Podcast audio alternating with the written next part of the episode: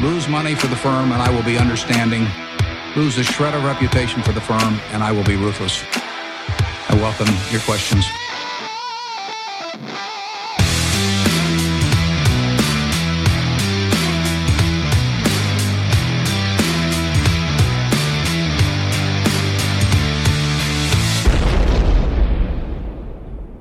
Välkomna till Kvalitetsaktiepodden. Det är jag som är Ola. Ja, och det är jag som är Klas. Det här är avsnitt nummer 52 som spelas in onsdag den 16 oktober. Mhm. Eh, inget jubileum den här gången Ola. Nej, det är bra. Känns lite fattigt. ja. ja.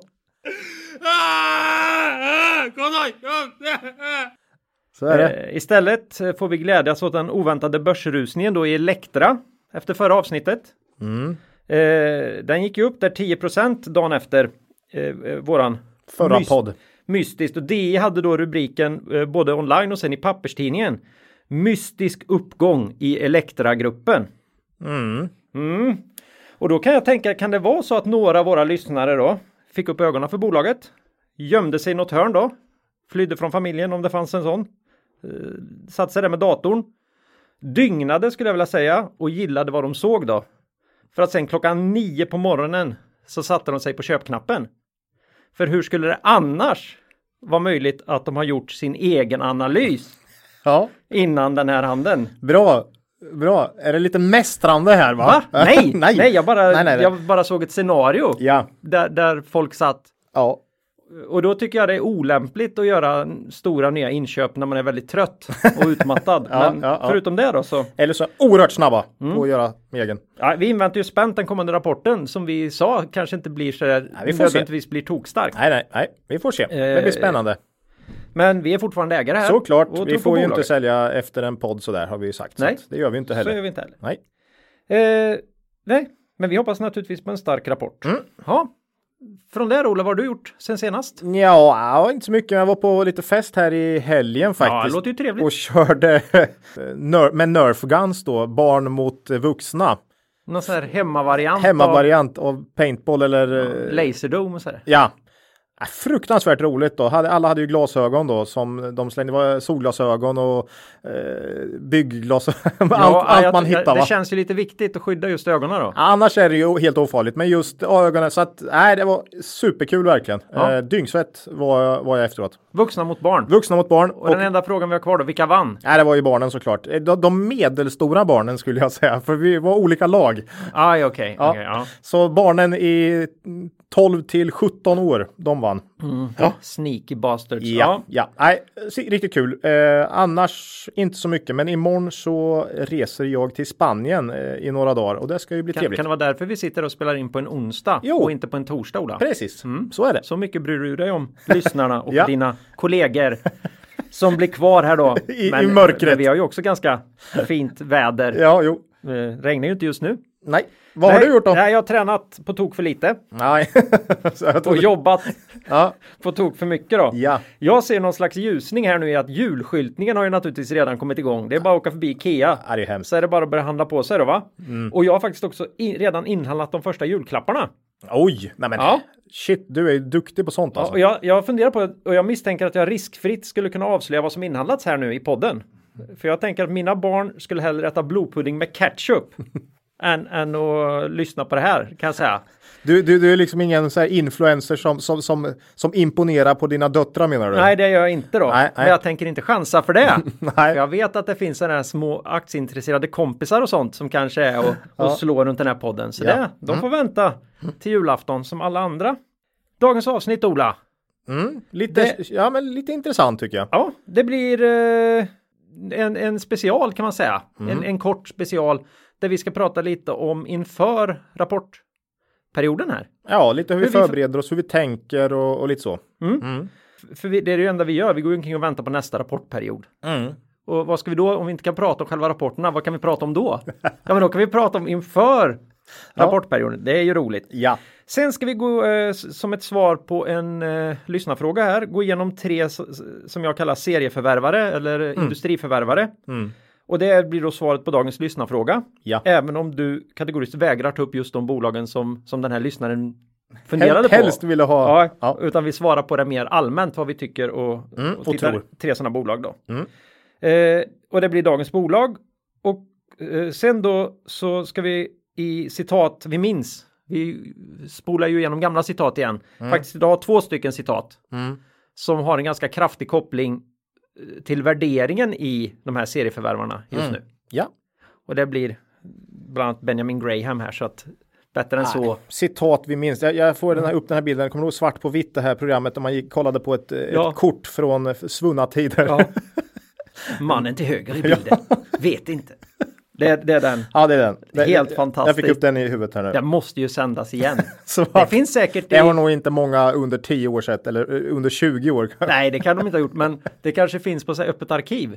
Svart på vitt hette det. Ja. Det var en man som läste kring ett vykort så att säga. Nej, nej, kring Är det ett foto. Ett foto. Gammalt Mm. svartvitt foto. Ja, ja, ja. Nog om det. Ja.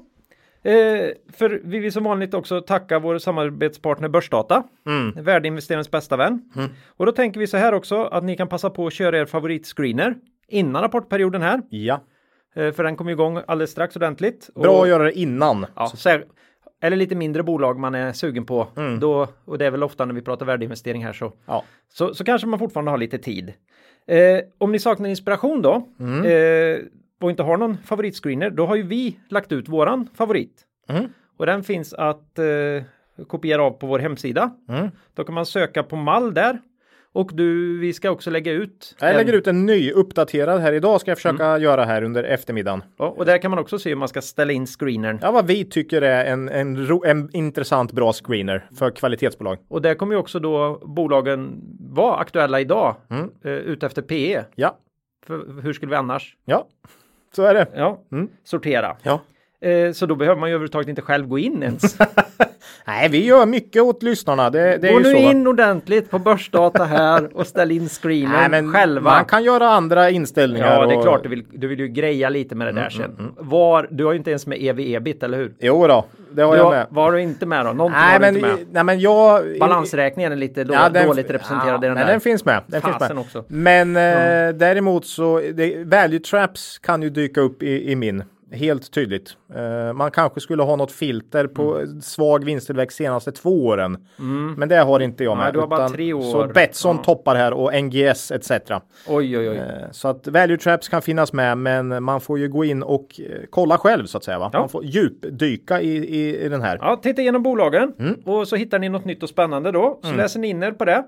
Mm. Eh, och så när liksom den senaste rapporten kommer här så är det liksom bäddat för en extra spännande dag. Mm. Jag skulle säga att det kan bli som lilla julafton. Ja, Och det kan både bli hårda och mjuka paket. jo, det, så är det Mm. på börsen. Ja.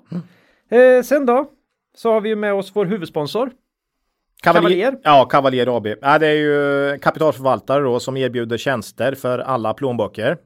I dagsläget är det ju diskretionär förvaltning som är det största benet.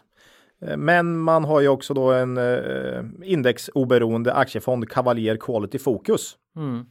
Eh, Inriktningen i fonden är hållbara kvalitetsbolag med värderingar som generellt är betydligt lägre än värderingen på börsen i genomsnitt och dessutom har då de här bolagen vad man tror sig högre tillväxtpotential. Ja. Så med sin inriktning mot mindre kvalitetsbolag så har de eh, chansen att slå index rejält på sikt.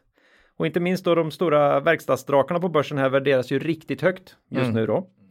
Och många av er som lyssnar då har säkert precis som vi människor i er omgivning som ständigt vill höra om vilka bolag de ska köpa in sig i. Och om, de någon gång, om ni någon gång på en fest har råkat avslöja någonting så vill de också höra sen när det är dags att sälja. Och då kan det vara grejer som ni var klara med för ett år sedan och så, vilket alltid är lika jobbigt kan man säga. Mm. Ja, då kan ni slippa all huvudvärk genom att helt enkelt hänvisa dem till våra välklädda huvudsponsorer oavsett hur mycket kapital de behöver få placerat. Ja, vill ni veta mer om fonden, Cavaliers filosofi eller sitter på ett större kapital som behöver förvaltas av en varsam hamn, gå in på cavalier.se. Där hittar ni kontaktuppgifter till förvaltarna och all fakta om fonden. Där finner ni också de matnyttiga månadsrapporterna från fonden under fliken fonder då och eh, Cavalier Quality Focus går att handla på både Avanza och Nordnet samt de flesta banker om ni bara frågar banken. Jag får nog fråga efter den. Den där gömmer de under disk kan man är säga. så, för de, har ju sina egna grejer. Sälja sina egna Framställda förtä- där. förtäckta indexfonder. Ja. Ja, och sen ska ni inte missa Kavaljer på Twitter. De har blivit jättemycket mer aktiva där. Då sök bara på ett kavaljer underscore AB. Här delar de med sig både av åsikter och insikter om bolag och branscher som de följer. Och där finns det en kraftig överlappning mot sånt man hör talas om i den här podden kan jag säga. Ja, Eh, tack säger vi till vår huvudsponsor Kavaljer AB. tack. Så innan vi går vidare i avsnittet vill vi påminna våra lyssnare om att aktieinvesteringar alltid innebär ett stort risktagande. Aktier kan både gå upp och ner i värde, satsa därför aldrig kapital på aktier som du inte är beredd att förlora. Det vi säger i podden ska aldrig betraktas som köp eller säljrekommendationer. Gör alltid din egen analys av bolagen innan eventuell handel. Ja, då tänkte vi dra igång en liten special här då. Med betoning på liten kanske. Mm, Jo, Det är lite det, hur förbereder vi oss inför rapportperioden och hur agerar vi sen under perioden? Det här är viktiga, viktiga tider på året för oss. mm. Eh, och när vi då pratar om det här så måste vi göra det utifrån våran verklighet och då vill vi, får ni inte glömma att Ola jobbar ju med investeringar på heltid. Mm. Så du sitter ju och väntar som ett hungrigt lejon då vid varje efterlängtat rapportsläpp. ja, Och det här är oavsett tid på dygnet och var du än befinner dig i världen skulle jag vilja säga.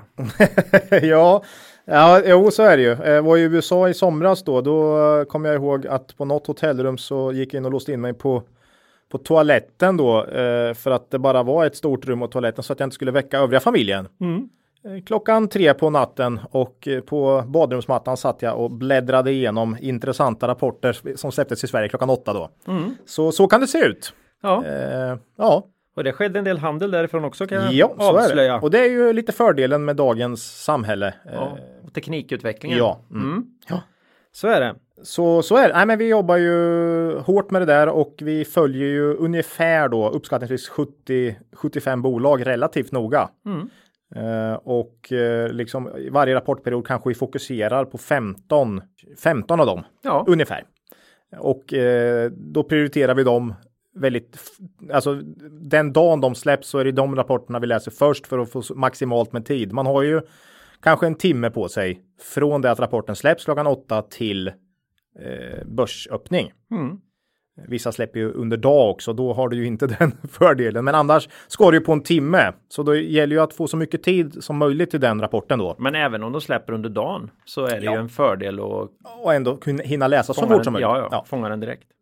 Så att så jobbar ju vi och eh, ja, jag, jag tycker det är ju en jätte, det är ju viktigt det här att förbereda sig då Mm. eh, på ett bra sätt och eh, fundera på vilka av de här 70 bolagen som är huvudfokus.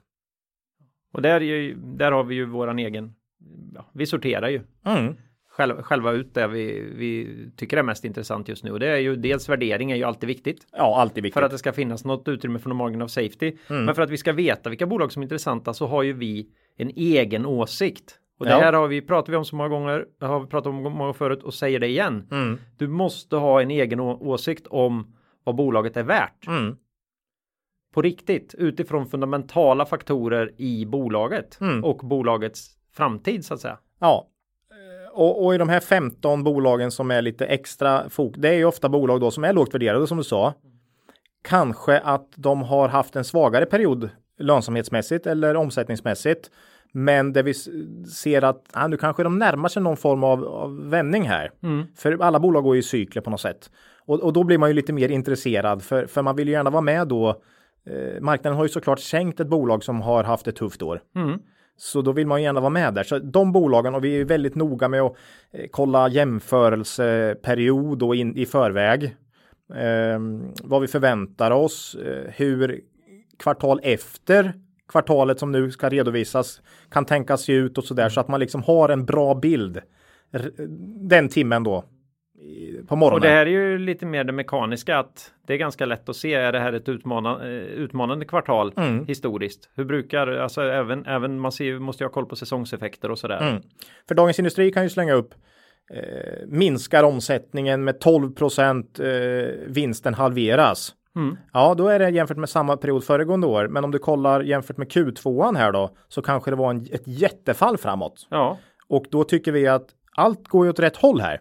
Och föregående år kan ju ha varit nedlusat med engångseffekter också. Mm. Det kan ju ha varit vad som helst. Så att det gäller att eh, liksom ha sina förväntningar väldigt tydliga för sig och dessutom kanske det är någon del man säger att ah, men om jag ser att det här börjar förbättras nu, då kan det här bli intressant. Mm. Eh, Det kan ju vara orderingång, det kan vara ja, antal anställda börjar öka i den här konsult. De börjar anställa nu igen.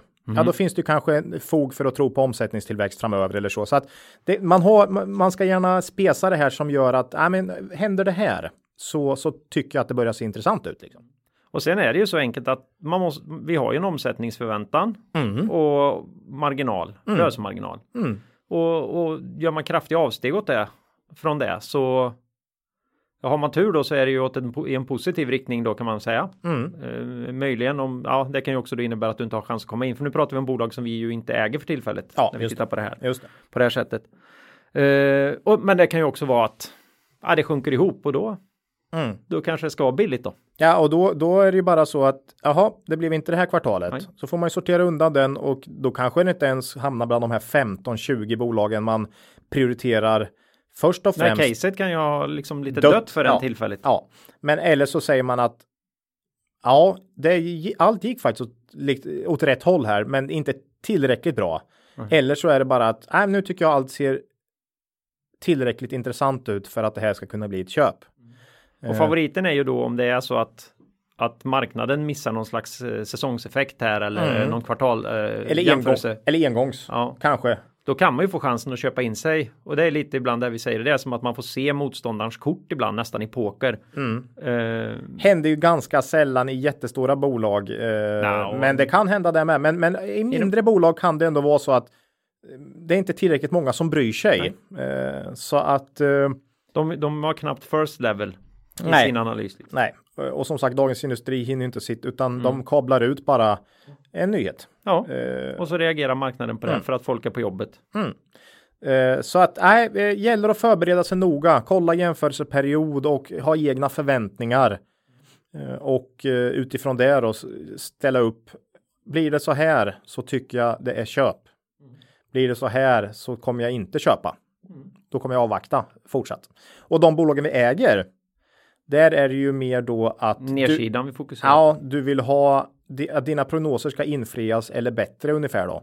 Eller så kanske du tycker att du har så stor eh, säkerhetsmarginal i din investering så du kan ta lite sämre, eh, att bolaget kommer in lite sämre än vad du har tänkt. Mm.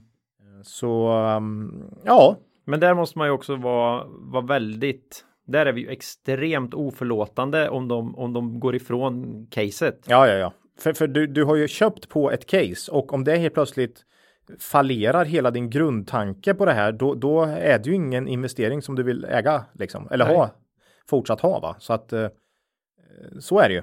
Absolut. Det, det kan, ja. Hitta på verkliga exempel här, men det kan ju vara geografiska expansioner till exempel som fullständigt kommer av sig, men som är jätteviktiga för Mm. som har kommit igång bra och sen sen stannar det bara av. Ja, du inser att Sverige är mättat. Eh, man har börjat röra sig utåt och det ser bra ut. Sen kommer en rapport som helt slår omkull det. Jaha, då inser du att det finns ju en risk här nu att du bara har Sverige och det kommer stå stilla.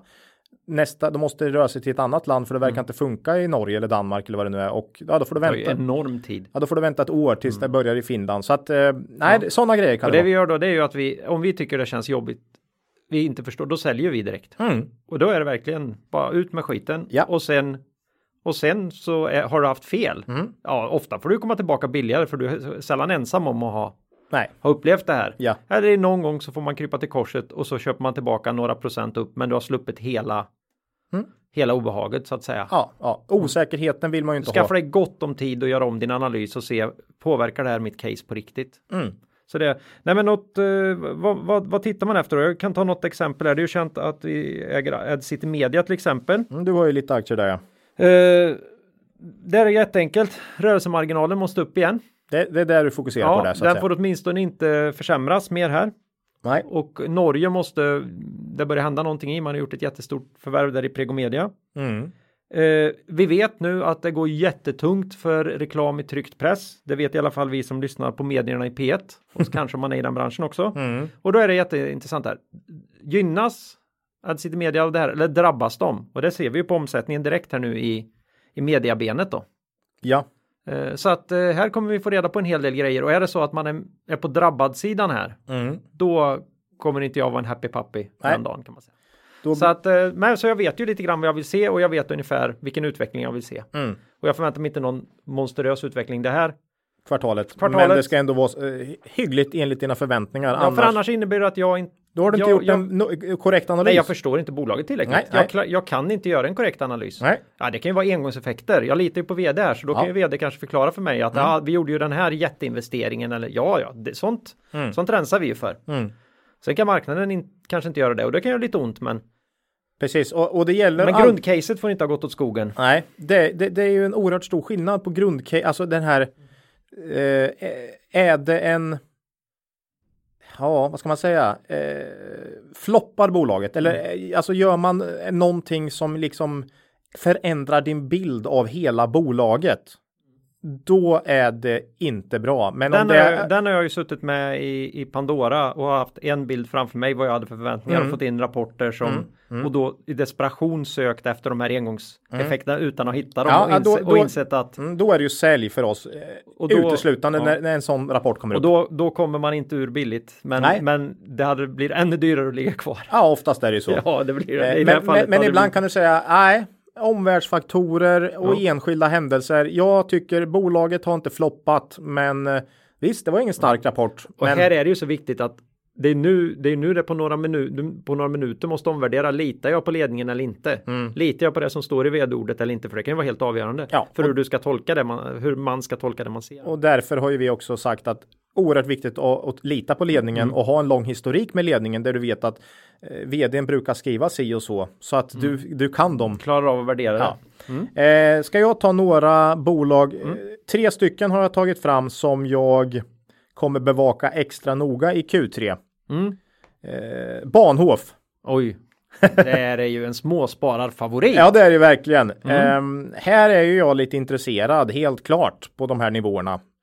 Eh, Jag är ju dock eh, riktigt orolig för en vinstvarning. Mm, och för det, det tas ju inte emot väl. Nej, för, för jag, jag det, det ska till riktigt starkt andra halvår för att man ska kunna klara sin helårsprognos här. Eh, så lite så här, jag vågar inte köpa i Q3 innan Q3, utan jag vill se Q3 och håller man fast vid helårsprognosen när den släpps. För sen är det bara ett kvartal kvar. Det, är liksom, det känns Och inte... egentligen bara två månader kvar för de har ju redan sett massor av sista kvartalet. Ja, och jag tror Bahnhof kommer sent också, Ja. så kanske bara halva kvartalet Ja, det är något sånt. Så att håller man fast helårsprognosen när Q3 släpps i Bahnhof, då känns ju det som ett väldigt starkt case helt plötsligt. Men än så länge tycker jag att det finns risk för, nej, det ska till, de ska ju göra ett jättefint andra halvår om de ska klara sin helårsprognos. Så då blir det det när rapporten har släppts. Men de har höjt priserna lite va? Jo, jo, det gjorde de här i somras. Ja. Så att det, det kan faktiskt gå, men det jäklar, det ska till bra vinsttillväxt andra halvåret här. Mm. Så ja, men då är det liksom det. Så du kommer lusläsa Bahnhof-rapporten alltså? Ja, och se hur mycket lönsamhet de får upp eh, här. Mm. Oerhört viktigt. Eh, Nilörngruppen. Tvåan här då. Hur klarar man de brutalt svåra jämförelsetalen? Och här är det ju då viktigt. Det kanske marknaden inte gemene man eller Dagens Industri har koll på där ute, men det är riktigt tuffa jämförelsetal. Mm. Eh, en liten minskning mot förra, föregående år ser jag personligen som starkt. Mm. Eh, så, så att det, det är ju Men här har vi en sån här härlig att det, du kan ju se det som starkt. Marknaden blir superdeppig här. besviken. Drar ner aktien. man köper. Och, och du får världens köpläge. ja. Lite det här, du har fått syna korten. Mm. Motståndarna värderar dem på ett helt annat sätt. Så Nilörngruppen är för mig, eh, klarar de att bara tappa lite? Eh, det skulle jag vilja se då. Mm. Och sen så har vi då de som verkligen har sjunkit under jorden här, SJR då. Oj, oj, oj. Börjar marginalförbättringarna. Ja, i, i bank, Ola. Det börjar man inte. få ordning på lönsamheten. Mm. Eh, innan dess kommer jag inte köpa en enda aktie, men börjar det visa att det går åt rätt håll så att lönsamheten börjar stiga tillbaks mot historisk lönsamhet, då är jag nog en av dem som börjar bli intresserad så att säga. Men där kan jag, där är, är jag ute, långt ute här om jag, om jag chansar att du faktiskt inte kommer lita så jättemycket på vd-ordet där utan, längre utan du vill faktiskt se. Ja, men det här. För det ja, har ju varit lite väl optimistiskt ändå. Jag, jag, jag, jag han har jättelång historik Mm. och jag litar på honom, men det visar mer på kraften i det här. Ja, och vilken svår, hur svårt det är att, att, att, att kunna framtiden om sin egen verksamhet. Jag brukar säga att de kanske vet 15 procent. Ja, jag, jag, tror inte han visste så att säga. Och det, det, är inte då, utan det bara förändrades i år kraftigt. Mm. Men visst, det, det, är svårt att känna att man har kanonkoll när liksom verksamheten bara försvinner. Mm. Lönsamheten bara försvinner under benen på en. Så att, mm. Ja, nej men de tre då kan jag ta som exempel på lite intressanta rapporter och som jag kommer vara med och granska på morgnarna där. Och vad du kommer titta efter? Ja, mm. så ja, men lite så.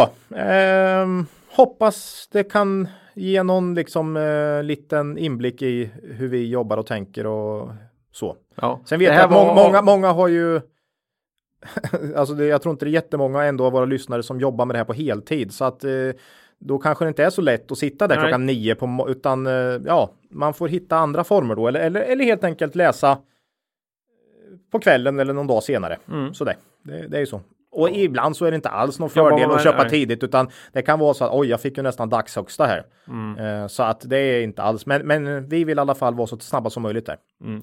Sen kan man ju få höra i podden om vi har köpt något också. Så då kan ju, eller om vad vi tycker är intressant eller ja. om vi tycker en rapport var bra eller dålig. Och, ja. uh, förhoppningsvis kan ju vi och Börsdata ge lite, lite bättre information om hur det går i bolagen. Mm. mm. Uh, ja, så är det. George är ju exceptionellt snabb på att få, ja. in, få in bolagen. Precis, och han prioriterar faktiskt lite efter uh, hur, eller hur efterfrågade de här bolagen, rapporterna är då, när mm. han lägger in på morgonen. Mm. Mm. Det var den.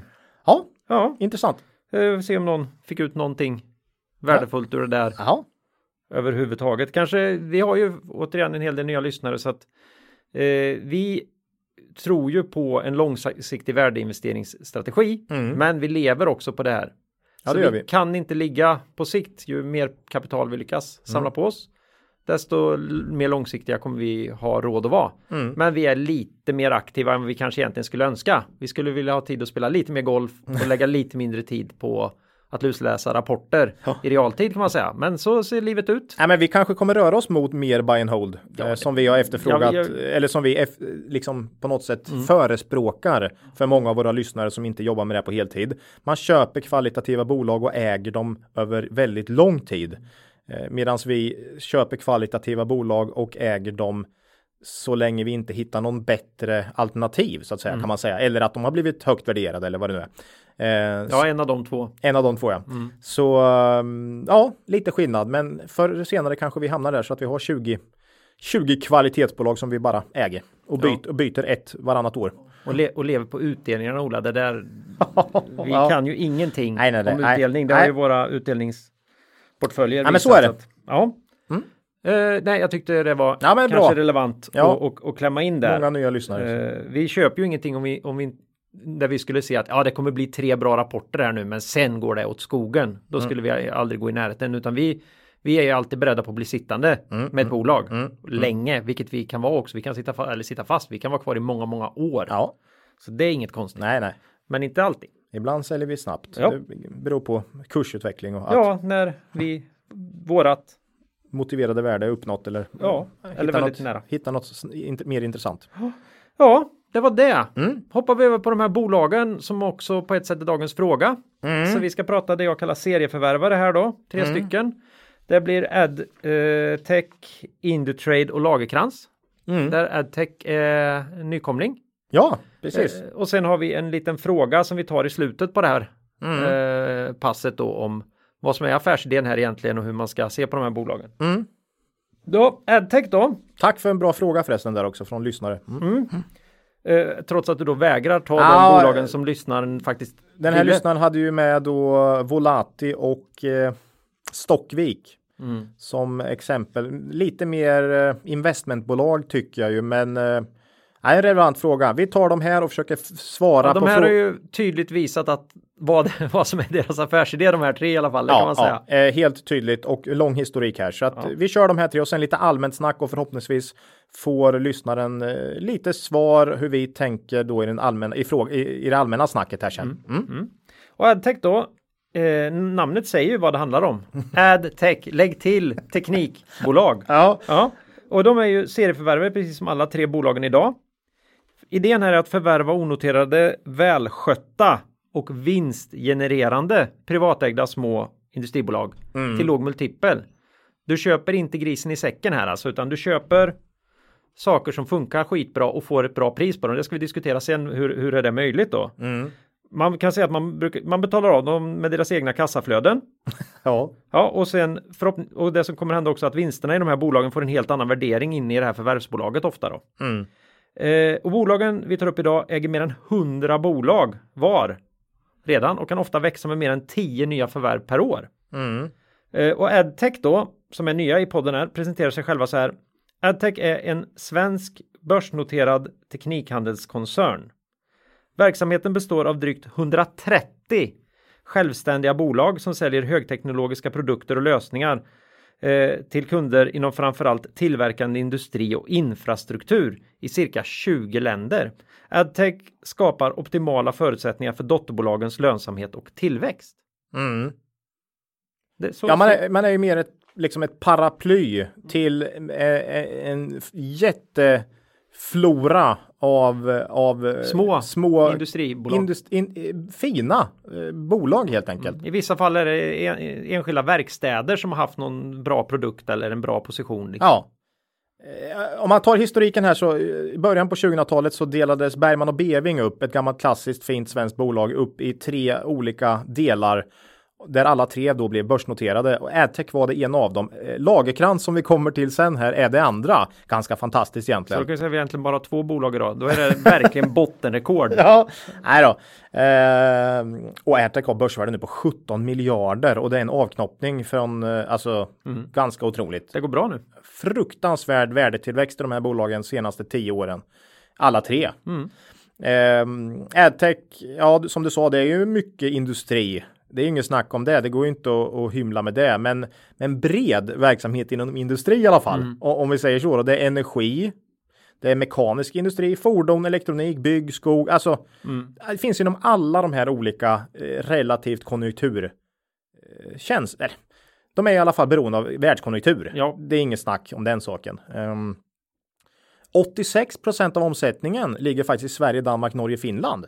Nordiskt. Ja, så att det får man ändå säga. Där Sverige står för 35 procent ungefär. Um, man har faktiskt jobbat senare, det har flera av de här gjort, men man har faktiskt jobbat ganska hårt med att få upp andelen egna eh, produkter.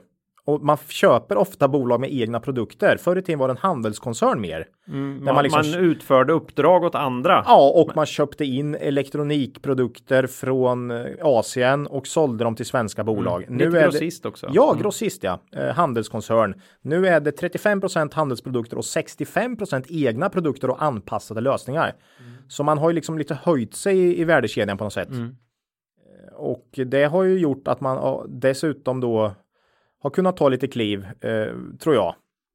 Eh, Vad gäller lönsamhet också. Ehm, 10 år här i Adtech. Eh, 11% omsättningstillväxt per år i snitt. 17 vinsttillväxt per år i snitt. Ja, det är ju grymt bra. Det är, man kan leva med det. Sista tio åren. Eh, nu är det ju faktiskt ganska bra konjunktur, det får vi ju säga. Och dessutom för tio år sedan, 2009, en absolut low peak.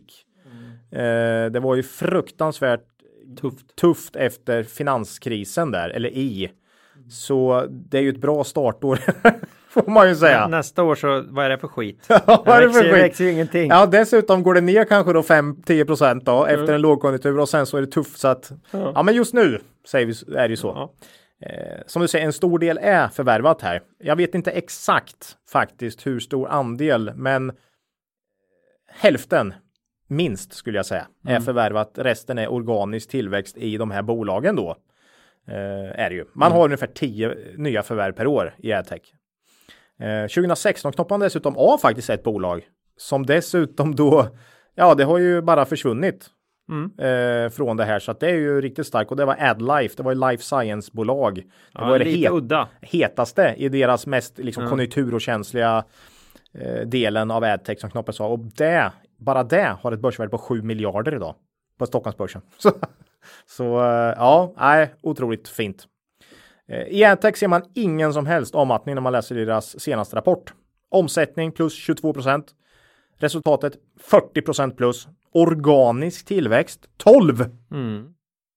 Så att ruggigt starkt faktiskt för, eh, för AdTech. Det var ju så många som Ja, det är helt ofattbart. Ja, det var men det- jättemånga industrikoncerner som sa att juni var ju rena tvärniten. Mm, mm, här, här märks det inte. Och när ett- vi snackar en Indutrade och Lagercrantz senare så kommer vi se att det ser inte riktigt lika bra ut där. Men eh, nej, ruggigt stark eh, kvartalsrapport av AdTech senast. Förstår inte riktigt. Det borde vara ungefär samma kunder.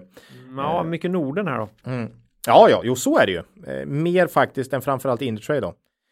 Eh, lite som gäller alla de här tre, men om vi tar AdTech här nu så är det alltså mellan 2002 och 2013 hade AdTech ett snitt P på 12-13 ungefär. Det vill säga det värderades Fram till för sex år sedan då. för sex år sedan. Och då började en hiskelig multipelexpansion. Samtidigt som vinsterna också har stigit hela vägen här. Ja. Det var någon, om det var Indutrade som hade en totalavkastning på 1200 procent hade de på sin hemsida senaste tio åren. Och det är alltså en extrem vinsttillväxt i kombination med en hisklig multipelexpansion här då. Och, och det är ju alla samt, det är, det är ju samma för alla de här tre faktiskt. Eh, men som AdTech då, från P13 till P23 på sex år. Från att ha värderats 13 gånger årsvinsten till att värderas 23 gånger årsvinsten samtidigt som årsvin årsvinsten har stigit kraftigt. Ja. Eh, ja, den, högkonjunktur. ja, den har ju stigit med 17 procent per år senaste tio åren. Så att, eh, och som sagt, nu är det P23 och jag kan säga det redan nu att det är exakt P23 på alla de här tre bolagen på redovisad vinst senaste 12 månaderna nu. Så de värderas oerhört lika här. Ja, då ska det vara så då. Då Sarla var så. Ja. Och det kommer vi tillbaka till i vårat citat sen, eller hur? ja. ja. Jo. Ja, det, vi ska ju snacka om det här. Hur kan det vara så och liksom varför? Vad beror det på att den här typen av bolag har, har, har fått så otrolig multipelexpansion här? Men Men det är ju en, det är en fantastisk affärsidé de har. Ja, det får man den ju säga. Ju, den är ju brutalt bra alltså. man köper bill, lå, alltså lågt värderade bolag. Man, man köper bolag billigt eh, med kvalitativa produkter och för in dem i ett börsbolag med P 15 20 då liksom. Ja. Sen, sen kan man också säga att om man kollar på 2002 så när de knoppades av i princip då så var det ju liksom mekanisk industri och fordon var ju det var ju liksom halva eller mer än halva omsättningen medan det nu är 25 procent. Så man har ju på något sätt Diversifierat sig något Def- enormt. definitivt och eh, geografiskt med. Så att det är, jag skulle säga att det är ju ett bättre bolag idag. Helt klart, men det är ändå en ganska kraftig eh, uppvärdering här. Mm. Ehm, nettoskuld ebitda, för det är viktigt för de här. Man måste ju kolla så att de inte drar iväg här. För det är ju helt fundamentalt att de ska kunna fortsätta Och, och, och förvärva. förvärva. Ja. Mm. Och alla ligger här. Alltså de här tre bolagen, det är, det är kopior. Eh, nettoskuld ebitda 2. Knappt 2. Mm. Så att eh, man, den har ökat lite men inte så där. Ja, jo, den har ökat men eh, man håller det ändå rimliga gränser. Någon gång måste man ju liksom, man måste ju ta från kassaflödet. Det är det som är tanken. Och så kan man belåna upp lite mer, men över tid kan du ju inte belåna mer och mer hela tiden. Inte, men, men du kan ta av kassaflödet, kan du göra. De delar ju bara ut 40% av vinsten kanske, eller något sånt, Ja, de här bolagen. Så att du har ju en del vinst att köpa bolag för. Ja, ja. Helt, helt enkelt. Ehm, ja, direktavkastning 2% Det är inga höga direktavkastningar här, men det beror ju på att värderingen är väldigt hög på de här bolagen nu. Eh, så delar de ut 40% så blir det inte så mycket va, i Nej. procent. Eh, Ja, det är väl det man kan säga Ja. om AdTech. Vi kan ju köra de här tre. Ja, och så kan vi prata lite om de här olika delarna Ja. sen då. Ja. då, då vi, vi åker raskt vidare till Indutrade då. Ja. Jätten bland de här. Mm, störst. Eh, och de är som AdTech, Mm. fast de står på ett helt annat sätt för att själva förvärvandet är en basverksamhet i koncernen. Det- AdTech smyger lite med Ja, det menar du? det blir konstigt ska jag säga Indutrade så pratar om AdTech igen då, men det tycker jag är jättekonstigt när de tar upp sina tre basdelar i sitt framgångskoncept. Mm, för aktieägarna. Så pratar man inte om det absolut viktigaste, nämligen att de är superduktiga på att hitta billiga förvärv som funkar i deras modell. För det är det viktigaste. Mm. Ja, det är och det har ju Indutrade som nummer två tror jag när de pratar om vad är det bolaget gör. Mm. Uh, Edtech menar på att det har någonting med aktieägarvärde att göra. Det är ju bara trams. Alltså, det, det, det, här är ju, det här är ju hjärtat Ja, det är i den här i de här. Ja, det är oerhört viktigt. Ja, sen är det klart att, att det är ju korkat att tro att de här bolagen vi förvärvar, det är naturligtvis en del i den här skickligheten att få dem att vilja fortsätta trots att de, de har blivit utlösta så att säga ägarna där. Eh, Det här förtroendet att vi kommer fortsätta verka på den här platsen och ta hand om de anställda och det kommer vara jättetrevligt för alla och vara Mm. under det här paraplyt nu. Det är ju gamla familjeägda företag och så här ofta. Va? Mm. Det, men, men det är ju en del, det är ju det, det viktigaste de gör då. Det, det står, det, det stoltserar ju Indutrade med. Ja, det är bra. Eh, och eh, ja, eh, annars, jag sa att de var jättestora. Ja, här har du ju över 200 bolag. Ja, För de är ju större också. så det liksom ackumulerar ju på. Och, och det ska man ju säga att ofta drivs de ju vidare på, alltså helt oförändrat. Utan det är entreprenörsdrivna eh, små lönsamma bolag i en nisch. Geografisk eller eh, någon form av ja, någon sektor. bransch. Man har någon fantastisk kap för att skära av stora elledningar och är helt ledande på det i typ hela världen. Ja, jag såg liksom eh, om, om det var Indutrade eller om det var Lagerkrans, men eh, man fokuserar på bolag där man ser att man har liksom, man jobbar i en nisch med kanske en halv miljard bara i. Det är det som är hela marknaden Mm. eller en miljard. Det är liksom, det är inga stora globala marknader, utan man är ruggigt duktiga på en liten nisch och ingen annan kanske, utan man, man har sina trogna kunder och man levererar till dem år ut och år in. Familjeföretag, det är så man känner, liksom, det är så det känns. Uh, Indutrade eh, är ju då inte en avknoppning från Bergman och Beving Nej. och de är störst då. Eh, 33 miljarder i börsvärde nu. Det här är ju det är ju ett jättestort bolag, en bra bit upp på large cap. Eh, Medan Adtech då bara har 17 miljarder men också large cap. Så fruktansvärt framgångsrik affärsidé har det här varit, eh, helt klart. Eh, man skriver då, man grundades 78, Indutrade, huvudkontor i Kista utanför Stockholm. Man skriver, våra bolag driver sin verksamhet under stora frihetsgrader med samma ledning, befintligt namn och befintliga varumärken.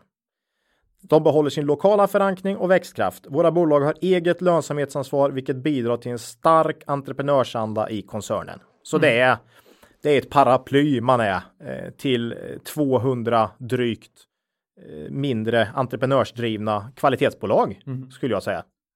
Det är fantastiskt och hur eh, om man är på olika sådana här investerardagar och så här och lyssna på Indutrade och de här när de, Mm. när de kommer in för det är, det, alltså, det är en sån vördnad runt de här.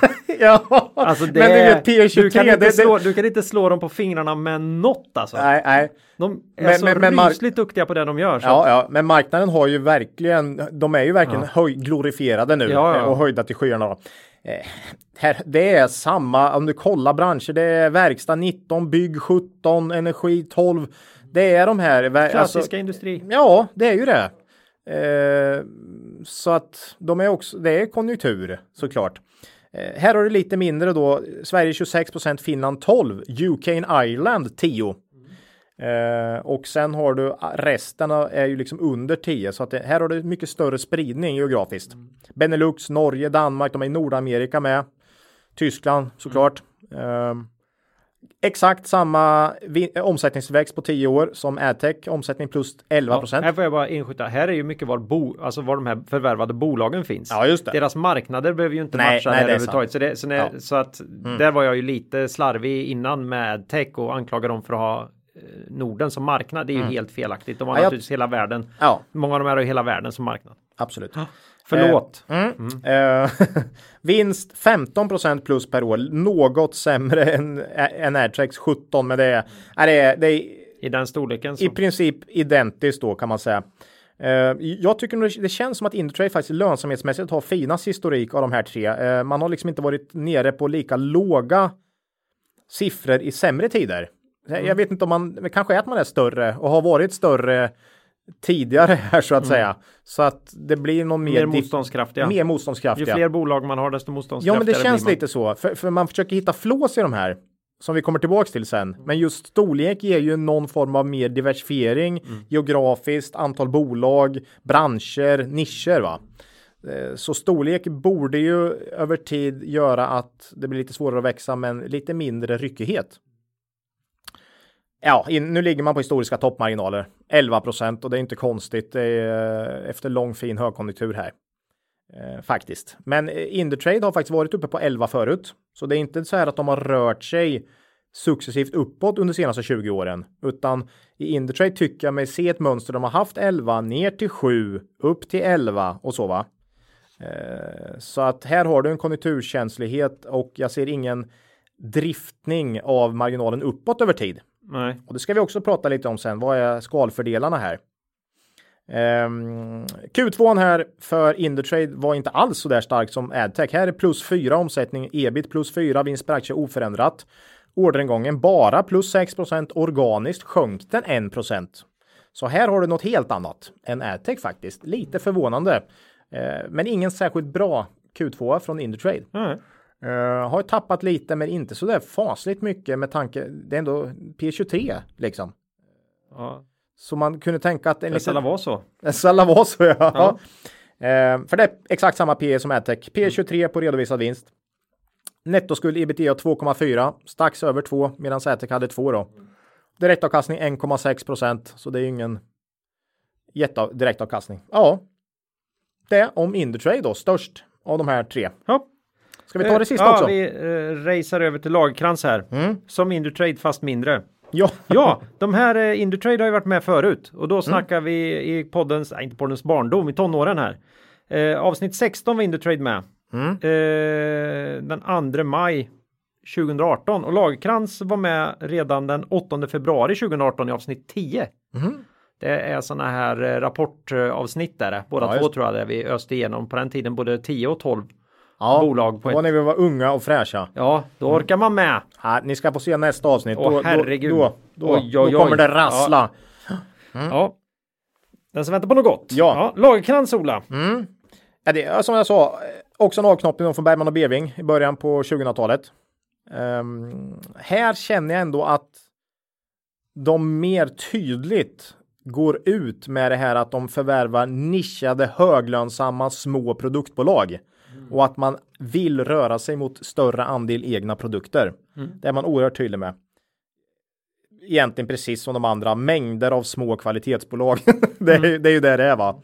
Eh, börsvärde 8 miljarder så man närmar sig ju övre, man är övre delen av midcap här.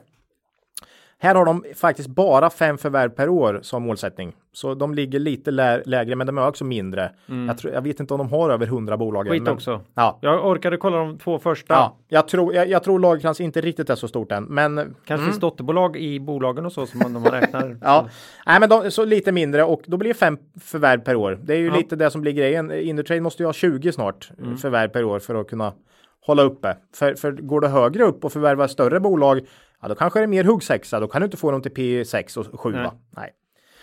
Eh, omsättning plus 9% per år senaste 10 år, vinst plus 23% i mm. snitt. Mycket stark. Mumma. Ja, mycket stark vinsttillväxt här då och eh, Ja visst, nu är det som vi sa finanskrisen då som bas men, men om det är något av de här tre som har rört sig uppåt vad gäller lönsamhet på tio års sikt nu så är det Lagerkrans. De verkar ha köpt en ny typ av bolag. Plus det är ändå skönt att det finns lite skillnader här som är helt omöjliga för oss att förstå ändå. Så det är ju någon, man gör ju det här på lite olika sätt i alla fall. Det är alldeles uppenbart. L lite olika sätt. Mm. Eh, så Lagerkrans, det verkar nischade höglönsamma produktbolag. Ja. ja. det kanske är så att man har fokuserat på dem och de har bättre lönsamhet mm. och då har deras snittlönsamhet gått upp över tio år. För den är väldigt tydlig den rörelsen i, i Lagerkrans. Um, ja, kollar man historiskt så har man faktiskt det är liksom före de senaste fem åren så är det bara varit ensiffriga marginaler. Nu ligger man på 12. Mm. Och det har man gjort några år nu. Så, så det är de man har bäst lönsamhet av alla de här tre nu helt plötsligt. Um, Adtech vet jag inte om jag sa, men de snittar höga ensiffriga då. Uh, och Indutrade runt 10. Mm. Um, här har man andel egna produkter 55% och 45 är då mer eller mindre handels där man köper in och säljer vidare då va. Eh, senaste rapporten omsättning plus 7, ebit plus 16, organiskt plus 3. Så det var väl mittenrapporten här av de här tre. Mm. Eh, lite sämre än de än senaste åren här då får man säga.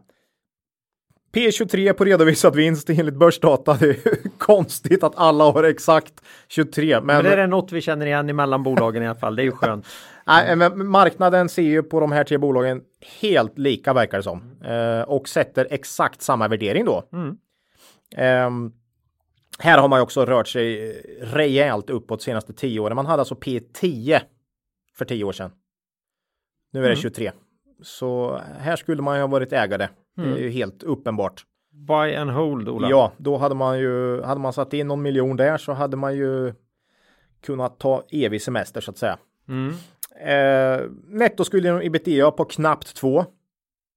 Nej, precis som de andra. Direktavkastning 2% känner du igen? Ja. ja, det, det är exakt lika. Ja. Det är lite små skillnader, men annars oerhört lika i sin framtoning här, de här tre bolagen. Storleken, jag hade ju, ja, det är liksom lite skillnad i storlek och så och lite marginalskillnad, men annars. Ska vi ta lite så här allmänt då? Ja, eh, hur, hur kommer det här sig? eh, nej men själva affärsidén, ska vi börja med den? Ja, Den är ju, den är ju briljant. vad ska vi kalla det? P-arbitrage som affärsidé. Ja, att, att, att plocka upp små bolag som själva skulle tycka det var jättejobbigt då. Vi kan tänka oss att det är en 40-talistgeneration här som, eh, som under ett antal år nu har hållit på och släppt iväg sina gamla skapelser som man har byggt upp. Mm, Eh, både under och efter kriget misstänker jag. mm, Och, och då pratar vi världskrigen här. mm. Eh, och, och det är nästan omöjligt för dem att, liksom värdera sina bolag. De, de, deras grej är ju att ha det här bolaget, att bo, alltså bolagets vinst Mm. har ju varit det viktiga för dem, att bygga bolaget, Och det har de säkert tjänat bra med pengar på. I, och med att det är lönsamma bolag här. Så. produkterna, branschen, den grejen. Har, de är jättenöjda. De har haft ett, kanske många har haft ett fantastiskt liv. Det är ju lönsamma fina bolag det här. Mm. Med omsättning, Ja. det är inte jättestora bolag här ofta. Det är 50 miljoner kanske omsättning, 100 miljoner och sådär. Mm. Ja, nej, men jag tror att det är smarta människor, så jag tror att både när de köper av första generationen och i många fall är det säkert i samband med generationsväxlingar så att andra generationen är inne här och, och de, de gör annat. Mm.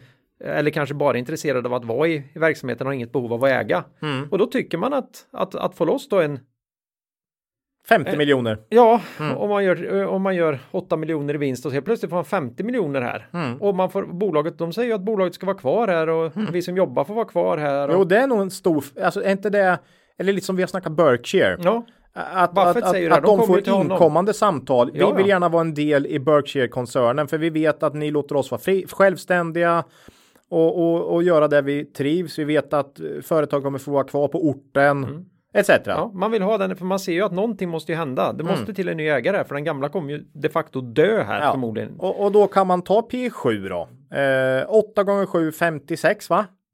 Ja, då får de 50-60 miljoner för ett sånt bolag med en omsättning på kanske 50. Eller hur? Ja. Eller 60. Mm. Lite snillen spekulerar här men... Nej, men jag tror det är en oerhört stor en, del. En del sådana här case har man förvisso hört talas om. Så kanske inte det är det vanligaste men jag, jag har svårt att se hur man an- annars skulle kunna komma åt de här. Jo, men det är, mycket, det är väldigt ofta P7 8. Och det som händer då är att istället för att de är, om vi säger att de själva skulle gå till börsen Mm. med, med den processen som de är helt främmande för och allt vad det innebär. Mm. Eh, jättejobbigt. Mm. Då, och, och komma in på någon liten lista här. Eh, möjligen Spotlight eller någonting. Mm. Ihop med massa konstiga förväntansbolag. Ja. Ingen skulle fatta vad de var för något överhuvudtaget. Nej, ingen handel. skitvärdering skulle jag tro. Mm. Ja. Kommer du in på large cap och blir en del av, P23 Indutrade då. ja, Mm. och redan tidigare, redan när du kom in på P12 Indutrade så var det fortfarande ett rejält lyft. Ja, ja, mot vad du precis. skulle kunna åstadkomma själv. Ja, nu blir det ju hiskligt. Och nu blir det ju, det blir så löjligt. Ja. Mm. Så, så affärsidén för dem, utifrån de som äger Indutrade och de är ju den här multipelexpansionen, att kunna plocka upp de här bolagen. Förhoppningsvis får de ju lite bättre betalt idag. Ja, men det, det måste de, de, Ja. de måste ju få bättre betalt idag än Ja. vad de fick 2009 i alla fall. Men, men samtidigt, om det här skulle vara P15, det skulle vara superbra med Mm. 100% multipel från köp till, till, till, till bolagets värdering på börsen då. Men nu är det ju löjligt bra. Men, men den kalkylen tror jag inte riktigt håller. Räntan borde ju vara en del här också. Det är klart det. Eh, de, dels så kan de ju förvärva eh, bolag till ett väldigt eh, lågt pris på grund av att pengar kostar inte mycket. Nej. Så den här nettoskulden på två gånger ebitda, den, eh, den är ju inte så betungande. Nej, Helt nej. enkelt. Nej, så man kan ju jobba med hög belåning här. Ja, helt ja. klart. Eh, och i en... s- Om man har kassaflöden så skulle det vända så kan man bara sluta förvärva några år. Ja, det får och vips så har man ingen eh, så har man ingen eh, nettoskuld längre. Nej, men du har ju ingen tillväxt heller. Nej, Så men, att- men, det- men som, ägare, som ägare i bolaget kan du bara vänta några år. Ja, så är så det. kan du börja förvärva igen. Ja, men de, de åren tror jag bolaget kommer tappa fruktansvärt hårt på börsen. Men vet du vad som händer då? Nej. Då går ju utdelningen upp också där ja. så småningom och då ja. jag älskar utdelningen. Ja. Nej, men det blir... En sån tid, skulle det inträffa, då skulle jag gärna köpa in med de här tre.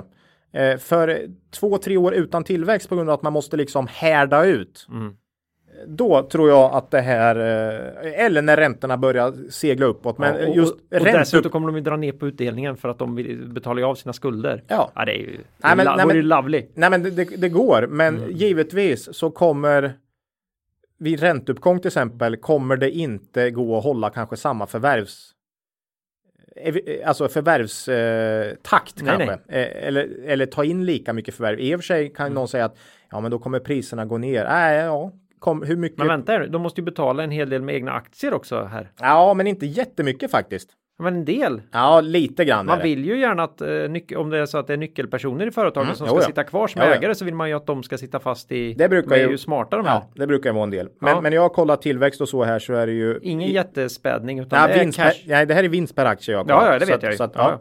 Så att, ja, allt annat Ola. Ja, ja precis. Nu. Eh, nej, men så alltså. räntorna borde mm vara en del. Ja, eh, det är det helt klart. Det, det, har gynnat dem, den här lågräntemiljön, helt och klart. Tio år oavbruten högkonjunktur då på något sätt. ja, det har ju inte heller varit vad, fel. Vad tror du om den då? Ja, den är ju bra såklart.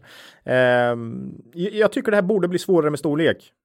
På något sätt. Ja, jag har ju försökt göra någon liten liknelse mot eh, konsultbolag här. Mm. Eh, måste du välja där mellan några som, som vi ser i det här fallet ser precis likadana ut. Mm. Då skulle jag omedelbart välja det minsta som, inte är, som inte är för litet. Mm. Mm. Men, men som fortfarande har det är liksom någonting, det händer någonting när de gör ett förvärv på 100 miljoner. Mm. I, I Indietrades fall så Nej. Jaha, vi måste göra 10 sådana. Mm. För att mm. det ska liksom verkligen ge. Det är inte så lätt. Jag tror inte det är så lätt. Alltså. Nej, nej. Och, eller 15. Ja, uh. och det är klart då som du säger, då är de så stora så då kan de ha muskler och folk ut över hela världen på ett annat sätt. Mm, ja, men det men du, märker man ju. Samtidigt har man ju det här med olika kulturer. Mm. Nej, det ska bli spännande. Vi ser ingenting på Indutrade att liksom tillväxttakten bromsar in här faktiskt. Nej. Men nu har det varit väldigt bra år på slutet här. Vår vän frågeställaren hade ju någon koppling här till att om det här eh, kopplat till organ, att köpa verkstadsbolag med organisk tillväxt va? Eh, ja, ja, men liksom vad är finast? Mm. Är de här förvärvarna eller de som bara växer organiskt? Vad, vad är finast där? Mm. Eh, Vi ja. gillar ju en kombination. Ja, jo, men det tycker jag. De som köp, gör ett förvärv per år. Mm. ja, men den är väl bra liksom. Men, eh, nej, men jag tycker ju att en stor skillnad är ju hävstång.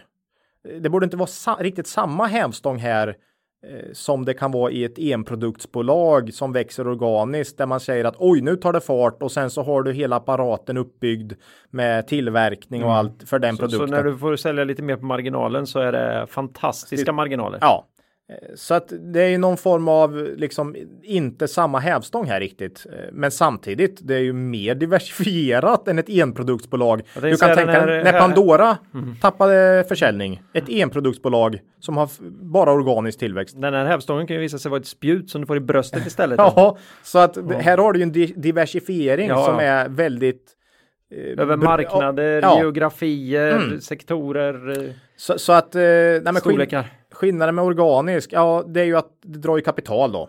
Mm. Det är en viktig grej. Det här drar ju väldigt mycket kapital, men vissa bolag med organisk tillväxt sjuka investerar är, oerhört stora pengar i sin egen produktion. hur lite kapital det verkar dra ändå. Hur, ja. Vilka fantastiska priser de får för de här för, lönsamma förvärven alltså. Ja, och räntan är låg. Ja. Mm. Och dessutom så, ja, bra kassaflöde från, de, från bolagen och så köper man nytt. Mm. Uh, men man verkar få väldigt bra priser. Jag vet inte om det, det, känns som att det finns oerhört mycket kvalitativa små bolag där ute. Är det liksom är det 40-talisterna som går i pension eller vad är det liksom? Jag antydde det innan ganska ja. tydligt. Jag var jo. lite så raljerande kill, kill, nästan. Killgissande raljant där. Mm, mm. Uh, men jag tror nog faktiskt det är så, så då får jag fortsätta vara det. Då. Ja. Um, mm. Riskerna jämfört med organisk till, jag vet inte. En ränteuppgång är väl det man kan se, men det, men det finns ju ingen som ser ränteuppgång i närtid här direkt. Och samtidigt som vi sa mer stabila än många enprodukts eller, eller organiska bolag kan man tycka. Nej, men räntorna är ju en, eh, skulle kunna ge en sättning i de här framgångssagorna. Mm. Storleken, när du börjar ja. bli för stor här. Mm. Jag tror du får samma problem som riktigt, riktigt stora konsulterna. Mm. Och du börjar få delar av verksamheten som hackar och du har inte, mm. du klarar inte av att fokusera tillräckligt då. Nej. Eh, när, när verksamheten faktiskt behöver lite stöd. Kärlek. Kärlek ovanifrån. Då är du ute på jätteavancerade förvärvsrunder i, i, i, i Japan och Ja, sådär. intressant. Mm. Så det, Eh, ja, intressant. Mm. Se- Sen är det ju också så att, ja och visst, det är mycket lättare att ha liksom ett organiskt bolag, du bara växer vidare och du, du bara multi, du duplicerar allt hela tiden eh, av din egen verksamhet och ja, jo, men, men samtidigt, vi har ju pratat Oriflame och Pandora, brända jordens taktik. Eh, till slut kan du inte växa som ett sånt bolag heller på något sätt. nej. Så Nej men det är väl också en sanning för vi kommer ju vända lite på det här nu när vi går över i citatet här att Mm, alltså, mm. man kan inte växa i evighet. nej, När du börjar bli för stor så blir det ju det blir fullständigt orimligt att växa med ens 10% per år till slut för att du tar över så stor andel av jordens totala BNP så det, det, Mm. det, det är liksom inte rimligt va? nej, Nu är inte någon av de här bolagen där än. nej. Men folk gillar att extrapolera och ska du börja betala P23 då är du, då är du ganska långt. Då har du enorma förväntningar för framtiden. De Ja. närmsta 15 åren ska ju Indutrades, minst den här tillväxten. Indutrades, Indutrades 33 miljarder i börsvärde ska ju upp eh, ganska rejält här. Mm. Så är det ju. Ehm, ja, nej men jag tycker det är fina bolag. Det har vi sagt. Mm. Ja, alltså, oerhört fina, fina bolag. och alla tre skulle jag säga är bättre än för 10-15 år sedan. Mm. De har liksom rört sig åt rätt håll och diversifierad och stabil kundbas. Eh, Så jag förstår Mm. vad folk gillar här. Eh, Men det är ändå industribolag och de är Och tio, och, för konjunkturkänsliga. tio, och för tio år sedan så ägde ju du som Ja, ja, de ja. här också men gick, ur, AdTech gick, gick ur alldeles för tidigt. Ja, Då. både- hade både AdTech och Lagercrantz faktiskt. var nöjd redan vid en betydligt mer blygsam multipelexpansion. Ja, vad jag tycker är lite eh, förvånande här ändå. Är, alltså många investerare är ju nu rädda för konjunkturkänsliga aktier, Mm. vilket man kan förstå. Det är ju en inbromsning här nu liksom. Eh, och, och, och, och det är ju liksom orsaken till att många kvalitetsbolag som vi har pratat om värderas ganska lågt. Vi har ju pratat VBG här och AQ Group. Nej, men liksom P runt 10 över under liksom. Ja, det är en hisklig skillnad mellan AQ Group och VBG här på P10 och de här tre Mhm. till P23 då eller t- 20 framåt. Jag vet inte. Man kanske får sätta om jag säger P- 10 på AQ och VBG så är det väl kanske motsvarande 20 då på. Mm. Men det är ändå dubbla P1. Ja. Ja, Och liksom jag för, förstår inte riktigt hur man kan få ihop. Jag tycker AQ och Indutrade har väldigt liknande exponering mot en världskonjunktur. Det är ett tvärsnitt i mångt och mycket med en bred kundbas och det är och ungefär samma historiska tillväxt i båda de här bolagen. Det är en hisklig värderingsskillnad här som jag inte riktigt kan förstå och det ska bli oerhört spännande att se hur industriförvärvarna klarar sig i nästa lågkonjunktur. För jag, det känns som att investerarna ja, inte... Det, det enda jag kan svara där är att man tror inte att det någonsin kommer bli en ny lågkonjunktur. Det är ju, enda, Nej, det är men- ju det enda möjliga svaret. Det Ja. kommer aldrig kunna bli en lågkonjunktur Ja, igen. men, men varför handlar man då VBG och AQ Jo, de- till de- P10? De som tittar på VBG, Ja. de vet att det Ja. kan bli en lågkonjunktur. Men uppenbarligen de som köper de här, de ser ju dem som något annat. Ja, ja, men det är som så. någon slags ICA eller någonting. Jag vet inte vad de ser dem som. är någonting som är... eh, som- Fantastiskt trygg. Som, som, ja, det måste vara. Trygghet. Men de har samma historiska tillväxt som de här andra bolagen som har P10 och samma historiska tillväxt. Mm. Vi får se. Men eh, ja, det, det, det förvånar mig att det är Ja. dubbla P1 på de här. Ja. Det, det, det är det som gör mig mest förvånad när jag tittar på de här. För fina bolag är det. Fantastiskt fina bolag som jag gärna hade ägt om värderingen hade varit lägre. Ja, all, all, allt är ju så dyrt så. Ja, mycket dyrt. Ja. Men som jag sa, det finns exempel på bolag till P10 som också är konjunkturkänsliga och i de fallen så pekar man med, fingret medans här då tycker man P23 är helt okej. Så att ja, nej, lite konstigt. Marknadens irrationalitet är ju det vi lever på Ola. ja, Så efter nästa, lo- för det här. efter nästa lågkonjunktur eh, får vi se Ja, vad, hur det ser ut. de här fiskar man ju gärna upp när eh, de nuvarande ägarna blir gravt besvikna på vad som händer i en lågkonjunktur här. Mm. Ja, vi hoppar vidare. Ja, Vi är ju redan över timmen som vanligt. oj, oj, oj. Och eh, idag kör vi två högaktuella och klassiska citat. Då. Är det för liksom klassiska, mani- manifestera? och vi är så självgoda i det här sammanhanget så klassiska är ju inte att det här är liksom fantastiska tänkare som har sagt det här. Jo, länge det är det. Nej, utan Nej. det är ju att vi haft med dem förut i den här podden Ola. Oh shit. Nej, Pinsamt, Nej. Ja, det är pinsamt. Mm. pinsamt. Eh, jag tänkte börja med Benjamin Graham då. Nej, det blir ju inte starkare än så va? Han har sagt in the short run the market is a voting machine but in the long run it's a weighing machine. Och för er som överhuvudtaget inte kan förstå min engelska här, vilket jag kan greppa, så säger han i det korta perspektivet så är marknaden en röstningsmaskin. Mm. Ja, en omröstning kan vi väl säga då. Ja. Eh, Men i, i det långa perspektivet så är det en våg. Mm. På kort sikt så avgör marknadspsykologi och sån här makrotänk och på lång sikt så avgör vad, Bolagen går och utvecklas. hur de går. Nej, men så är det ju. Eh, Om vi tar de här industriförvaltarna P23, det är ju att marknaden nu säger att jo, vi röstar. De flesta röstar för att det är det rimliga här. Mm. Eller ICA P30 då, som vi har pratat om här för några avsnitt sedan. Det är liksom det är det det ska ha. Ja, Eh, Men för tio år sedan så röstade marknaden och sa att det skulle vara P10.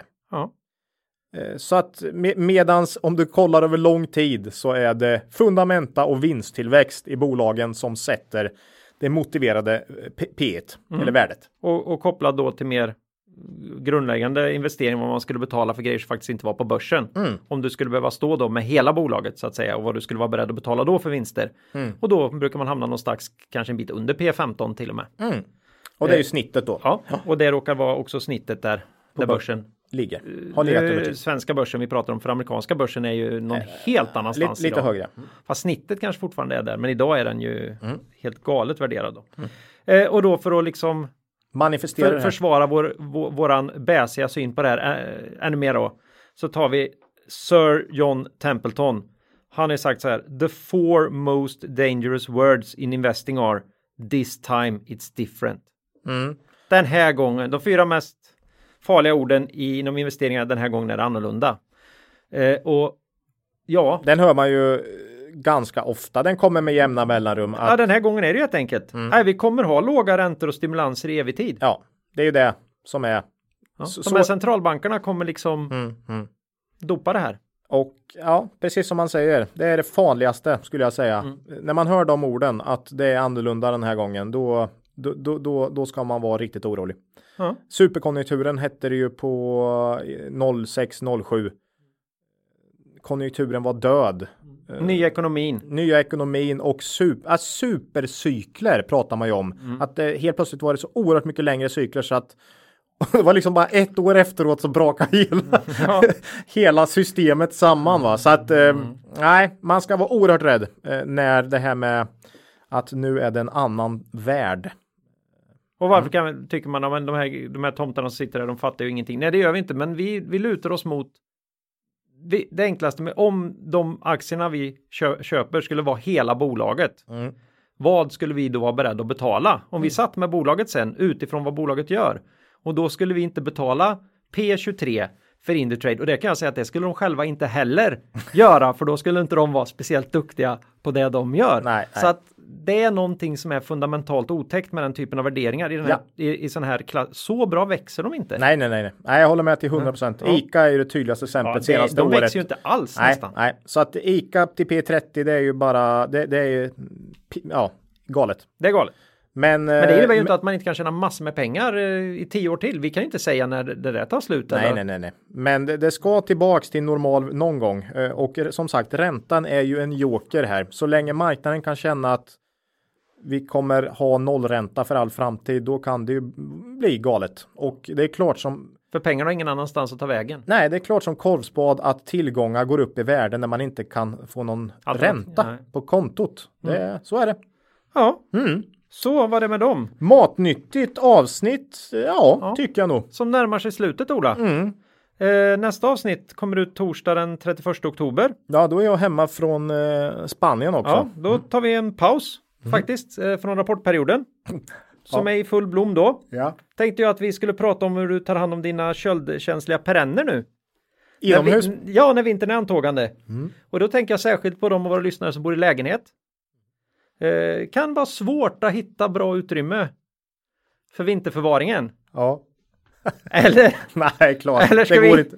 ska vi inte göra det Ola? Nej, nej, vi, vi kör rapporter. Nästa Kommer det avsnitt. bara bli rapporter Ja, det igen, kommer bli Ola? så fruktansvärt eh, Tråkigt. tråkigt och tungt, men minst tio rapporter ska vi försöka beta av på ett avsnitt då. Ja. Eh, snabba analyser och eh, förhoppningsvis lite kloka eh, instick Ja, från eh, både dig och mig. ha, då får jag hänvisa eventuella lyssnare som fick upp hoppet här till trädgårdsdags eller något sånt där. Odla i istället. P1. Odla i P1. Ja, Eh, Ett av de få P1 programmen som jag inte lyssnar på. Jag fattar inte ens riktigt när det går. Nej, det att, nej. podd Klas för fanken. Är det en podd? Ja, det finns väl allt Ja, sånt jag, ju, jag hoppas jag har ju svarta fingrar så det är större chans att det kommer upp olja ur backen när jag försöker plantera något än att, att något skulle växa. Säg till mig då bara så Uh, jag vet. Ja.